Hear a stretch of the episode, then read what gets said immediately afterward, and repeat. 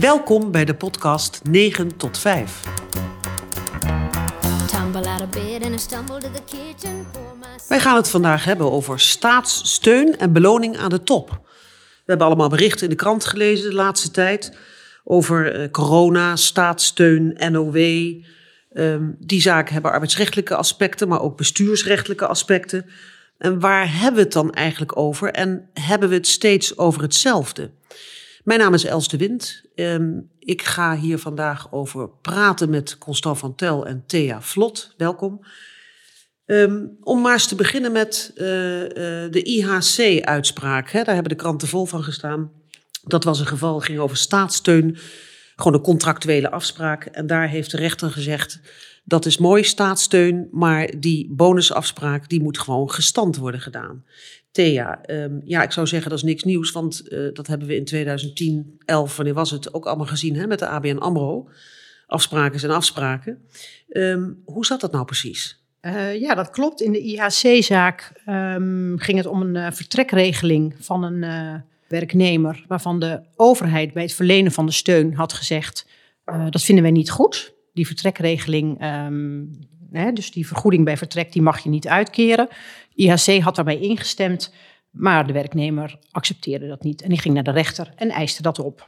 De rechter stelde hem in het gelijk en zei: Ja, inderdaad, je hebt recht op een eh, vertrekregeling. Die ben jij namelijk overeengekomen met IHC voordat de staat ehm, de voorwaarden stelde aan een staatssteun, dat die vertrekregeling niet mocht worden gegeven. Afspraak is afspraak, dus IHC moest betalen. Ja, dat klinkt niet zo lekker, want dat is belastinggeld, zeggen mensen dan. Hè? Dat is lastig. Staatssteun en vervolgens worden de beloning, beloning eh, afspraken worden gestand gedaan, beloning aan de top, eh, constant. Nou ja, wat ik, wat ik toch een beetje ingewikkeld aan die uitspraak vind, is dat inderdaad ehm, hè, deze bestuurder eh, had natuurlijk helemaal niets gekregen als die staatssteun niet was gekomen. Hè, dan was die tent failliet gegaan, dan krijg je zelfs geen transitievergoeding. Nu heeft hij de contractuele vergoeding gekregen van een jaarsalaris. En er is ook een beroep gaan op onvoorziene omstandigheden. Dan kan je een beetje afvragen, ja, als staatssteun, als, als dat al geen onvoorziene omstandigheid is, ja, wat, wat dan wel? Hè? Want dit, deze bonusafspraak was ook aangegaan ver voordat die staatssteun in de picture was. De rechter zegt daar nog over, ja, toen ging het financieel ook al niet zo goed, dus had je dat moeten kunnen voorzien. Ja, ik, ik, dat had voor mij, ik vind dat, dat had voor mij wel iets meer beter gemotiveerd mogen worden. Ik bedoel, als het financieel even een jaartje niet zo goed gaat, dan reken je niet op staatssteun. Ik vind dat echt een drastische maatregel. En ik vind eigenlijk dus dat het hele leerstuk van onvoorziene omstandigheden, ja, wordt gewoon hiermee, dat, dat bestaat eigenlijk dus gewoon niet in deze context. Als het gaat om een contractuele vertrekregeling, waar dus een werknemer of een bestuurder getypeerd wordt, kom je eigenlijk met onvoorziene omstandigheden nergens. Ik denk dat we tot die conclusie moeten komen. Als, als dit al geen onvoorziene omstandigheid is, wat dan, wat dan wel? En ik vind op dat punt ook echt wel anders. Maar ik ben benieuwd wat jij ervan vindt, Thea. Ik vind het ook wel anders dan de ABN-uitspraak. Nou, die, die was zeker anders, want in die ABN-zaak ehm, was er niet een voorwaarde gesteld, als ik me goed herinner, door de staat eh, om geen vertrekregeling meer te geven. Hè, er waren ook eh, bestuurders, of in ieder geval mensen die tot de executive eh, group, geloof ik, behoorden, met wie voor het verlenen van de staatssteun was afgesproken dat ze bepaalde bonussen en vertrekvergoedingen zouden krijgen, met de kantonrechterformule maal 1,4 of zo was het toen nog. Uh, toen kwam de steun. Uh, de overheid zei: nee, we willen deze bonussen en vertrekregelingen meer aanpassen. Nou ja, hè, gelet op de discussie die we nu voeren, vinden we dit niet meer een passende vertrekregeling. Die moet omlaag. En de bestuurders zeiden: nee, dat accepteren we niet. Wij hebben die afspraak al, die regeling staat er. Uh, die was overigens ook een aantal keren al herhaald. Hè, dus die, die, die stond totaal niet ter discussie. Anders dan in die IHC-zaak, want daar had de overheid het expliciet als voorwaarde gesteld. Hè. Deze man mag die, die vergoeding niet krijgen. En bij ABN AMRO was dat niet zo. Dus die zaten eigenlijk nog makkelijker, zou je kunnen zeggen. Nou, het feit, het feit dat, uh, wat je net aanstipt, het feit in die ABN AMRO-zaak, herinner ik mij dat de bestuurders een paar keer hè, was er afgesproken dat ze de oude regeling zouden houden. Dat klopt. Ja, en die bestuurders die hadden op grond van die toezegging, die dus een paar keer is gedaan, hadden ze ook gezegd, dan blijven we. He, dus daarom is er ook gezegd, do ut des, voor wat hoort wat. He, als je een afspraak hebt en die bestuurders komen hun deel van de afspraak na, ja. he, heeft de rechter gezegd, dan moet je als bank ook de andere kant. Precies, uh, dat klopt. Want de, want de bestuurders hadden hun deel eigenlijk van de afspraak al geleverd, zou je kunnen zeggen. En dan wordt het moeilijker natuurlijk voor de bank om te zeggen, en nou hoeven wij niet te betalen. Nou, dan hadden we jaren geleden hadden we de ABN AMRO-uitspraak. En dan hebben we nu die IHC-uitspraak. En dan zou je zeggen, dan hebben we toch wel wat geleerd. Hoe moeten we dit dan wel in goede banen leiden in de praktijk? Constant. Ehm, nou ja, ik, ik vind dus dat er inderdaad in die zin een wezenlijk verschil is tussen ABN-uitspraken en, eh, en, en deze uitspraken. Die zin dat die ABN-uitspraken inderdaad in, en dat is gewoon met het oog op die kredietcrisis en het behoud van, die, van, die, van, die, van dat hoge kader zijn die afspraken gemaakt. Ja, toen heeft ABN echt er later op terug willen komen. Ja, dat, dat, dat kan natuurlijk niet. Maar dat is denk ik toch wel wezenlijk anders dan een afspraak die echt een aantal jaar daarvoor is gemaakt. Dus dat, dat daar nog even over, die onvoorziene omstandigheden. Maar in die, weet je, in, kijk, de ABN-uitspraken zijn niet de enige uitspraken. Er is nog een uitspraak van het Hof Den Haag. Veel hoven hebben ze toch uitgelaten over deze problematiek, meer dan de Hoge Raad. En ook nog het Hof ten Bos. En eigenlijk zie je dat er altijd een toch een hele hoge drempel is hè, om, om die contractuele vertrekvergoeding te wijzigen. Dus in die zin past het wel, denk ik, in die jurisprudentie, strenge, strenge jurisprudentie. En inderdaad ook dat principe van do des, dat je eigenlijk niet met terugwerkende kracht nog de spelregels kan wijzigen. Dus op zich begrijp ik dat goed. Ja, heb je wel een probleem natuurlijk, want die overheid spreekt iets af. Ja, die wordt eigenlijk dan ja, soort van ondermijnd door de rechter. Dus hoe, hoe had dat dan gemoeten? Ja, ik denk dat je die bestuurder moet laten meetekenen. Nou, ik weet niet of hij dat had gedaan. Ik denk dat de overheid een beetje zijn hand heeft overspeeld en zeggen: Oké, we vinden ook dat, de, eh, de kanton, eh, dat hij ook de, de transitievergoeding niet krijgt. Ik bedoel, die vloeit voort in bepaalde instanties uit de wet. Dus daar maakt die rechter ook korte metten mee. Maar ik denk, ja, zo'n bestuurder moet je denk dan toch onder druk zetten. Ehm, en we hebben gezien bijvoorbeeld KLM met de piloten. Ja, als je uiteindelijk maar voldoende druk zet, dan eh, denk ik toch dat hij meebuigt ehm, in het niet krijgen van die contractuele vergoeding. Dus dan resteert de transitievergoeding. Kijk, daar, daar kun je denk ik niet, daar kun je gewoon niet aankomen als overheid. Maar je kan het bijvoorbeeld hebben over of omstandigheden al dan niet onvoorzien waren. Hè? Daar kan je natuurlijk over hebben.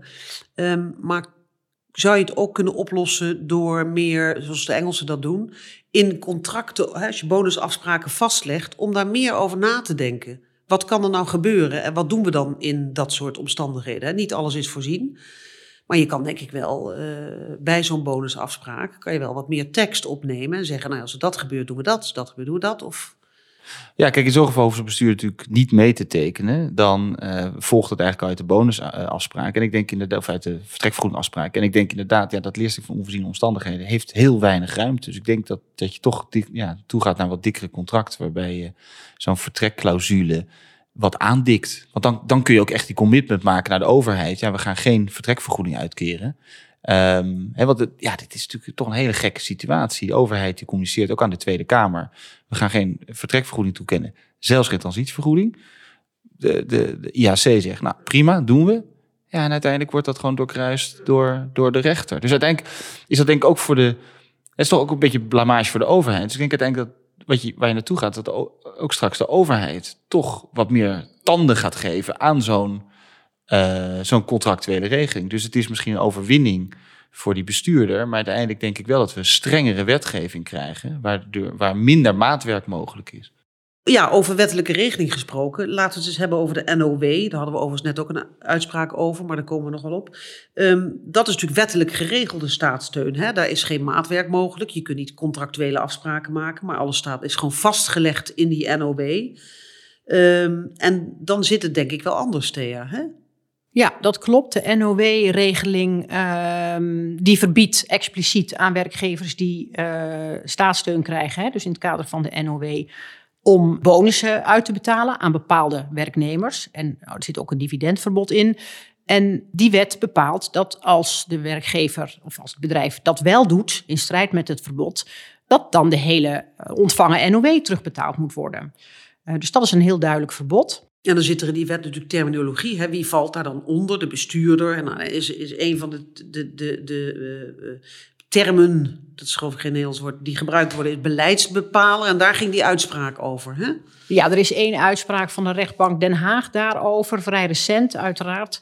ehm, waarin een bestuurder, een gewezen bestuurder eh, moet ik zeggen, was het. ehm, die zei: Ja, ik val niet onder het bonusverbod, dus ik maak wel aanspraak op de bonus. En daar hebben de werkgever of het bedrijf en de werknemer zich gezamenlijk tot de rechtbank gewend met de vraag, eh, beste rechter, wilt u bepalen of deze man eh, onder het bonusverbod valt of niet? En de rechter oordeelde daar dat omdat de man ehm, geen statutair bestuurder meer was en geen beleidsbepaler meer was, eh, hij niet onder dat bonusverbod viel. Maar goed, dat is dan eventjes de vraag, val je eronder? Hè? Maar als je er eenmaal wel onder valt, is vervolgens de vraag, wat moet je nu als werknemer, ehm, die er dus wel onder dat bonusverbod valt, als je vindt ehm, dat je een contractuele afspraak hebt die jou gewoon een onvoorwaardelijk recht geeft op een bonus. Nou, dan ga je naar de rechter. Dat kan je zeker doen. Ja, dat kan je zeker doen. En dan Maar dat is het je- probleem, hè? Precies, want dan zegt natuurlijk het bedrijf, zegt, ja, maar die kunnen we niet betalen, want eh, als we dat doen, dan raken we het, en hebben we het risico dat we onze eh, alle ontvangen NOW terug moeten betalen. Dus die proberen daar onderuit te komen. Wat ik een, een gekke lacune vind in deze wet, wat je, ik trek een beetje vergelijking met andere ja, echt bestuursrechtelijke regelingen, bestuursrechtelijke wetten, die dus direct invloed hebben op de eh, arbeidsverhouding. Denk aan de wet norm topinkomens, denk aan de wet beloningsbeleid financiële ondernemingen. Er zitten ook allerlei beperkingen, restricties, verboden in. Maar daar staat heel duidelijk in dat eh, ja, contractuele regelingen in strijd daarmee mee nietig zijn. Dat heeft natuurlijk het voordeel van de, van de helderheid. Hè? Dus je weet zeker, die wet ja, wordt op die manier, er wordt op die manier uitvoering gegeven aan die wet. Nadeel natuurlijk is, en daarom ben ik eigenlijk ook meer voorstander van dat maatwerk. Nadeel natuurlijk is met zo'n nietigheid, ja, dan kun je eigen, ja, A, wordt het, het, het arbeidsrecht wordt op dit punt uitgerold, want ja, je hoeft geen voorstel, hè, die, niet stoofman moet, je hoeft geen voorstel te doen, weet ik het wat. Het is gewoon, het is gewoon nietig. Dus er zit nul compensatie in. En ook een rechter, ja, die, die kan dan ook niet zoveel meer. Terwijl, ja, toch ja, soms die wet komt met, met, met, met, eh, komt met- onder veel snelheid komt het tot stand. Dus het is wel fijn als je nog als een rechter, en die weegt heus wel mee het belang van de, van de wetgever, het belang van de, die wet om, om, om daadwerkelijk iets voor elkaar te krijgen. Dus zo'n, zo'n rechter zal echt alleen in uitzonderingsgevallen toch kijken van, nou, ik vind dat hier is niet goed over nagedacht, hier moeten we iets mee. Maar dat, ja, dat kan eigenlijk niet meer bij die Maar is toch nietigheid. lastig voor een rechter, hè? als er een omissie in de wet is, zou je bijna kunnen zeggen, want we hebben er allemaal naar gezorgd of er iets in die wetsgeschiedenis stond of in de wet. Staat er niet over wat je doet met de rechtelijke uitspraak. Maar ik vind het wel lastig, want die rechters worden natuurlijk opgescheept met nou los het maar op. Ja, dus ik, ik, ik, ik ben heel benieuwd hoe, als dit, als dit voorligt bij, bij, bij een rechtbank, ja, wat hij gaat oordelen. Is die rechtbank van oordeel dat zijn uitspraak zodanig is dat, dat dan die staatssteun niet hoeft te worden terug, eh, teruggestort? Ik, dat, dat kan een rechter niet zeggen, hè, want het is dan, je zit natuurlijk bij een, bij, een, kantonrechter of bij een civiele rechter en dit is bestuursrecht. Maar ja, hoe wordt dit ingevuld? Hoe wordt het ingevuld? Ik zou zeggen, als een rechter, als een rechter van oordeel is dat uiteindelijk die, eh, die, eh, die eh, bonus toch moet worden toegekend, denk ik dat het het idee is, hè, ook omdat vaak dus, wat ik al net zei, de wetgever toch wel respect heeft voor het oordeel van de rechter, dat, dat, dat dan niet het gevolg is dat die hele staatssteun terug moet. Maar het staat, het staat nergens. Dus ik, het, is wel een, het is wel een risico. Dus dat is, ja, dat is duidelijk een omissie. Dus ik ben heel benieuwd, als deze vraag wordt voorgelegd, wat, eh, welke kant het dan op gaat. Of het is geen omissie, dat kan natuurlijk ook. Want er zijn wetten waar het wel in staat, die nietigheid, en deze niet. Dus dan kan je zeggen, nou, er is kennelijk ruimte gelaten als de rechter vindt dat er toch een bonus betaald moet worden. Maar jij denkt dat de expres niet is geregeld in de wet, Thea? Zou best kunnen. Ja, het staat er niet in. En er zijn wel wetten waar het wel in staat.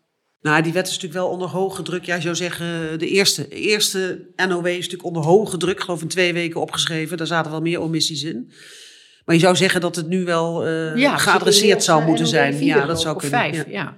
Hey, maar eh, duidelijkheid is er dus eigenlijk niet. Hè. Je zou kunnen zeggen over de, de eerdere contractuele afspraken. Hè, daar hadden we van gezegd, nou dan moet je eens beter nadenken als je afspraken maakt. Of je misschien wat meer op papier moet zetten. Waarvoor de bestuurder tekent of de beleidsbepaler. Maar bij die NOW, ja, dat lossen we met z'n allen niet op. Ehm, dat is een omissie. En nou ja, misschien dat je nu nog wat meer eh, procedures krijgt over de NOW. Dat daar misschien een uitspraak in is die hier helderheid over zou kunnen brengen. Ehm, als je nietigheid invoert, dan moet je ook rekening houden met het eh, eh, recht op eigendom. ehm, uit het eerste protocol van, eh, van het EVRM. Ehm, en dan Europees moet je iets- Ja, om- omdat ja. eigenlijk als overheid heb je dan, ja, breek je dan recht, rechtstreeks in in het eigendomsrecht. Want je zegt nietigheid, dus die afspraken die zijn gemaakt, die doorkruisen we.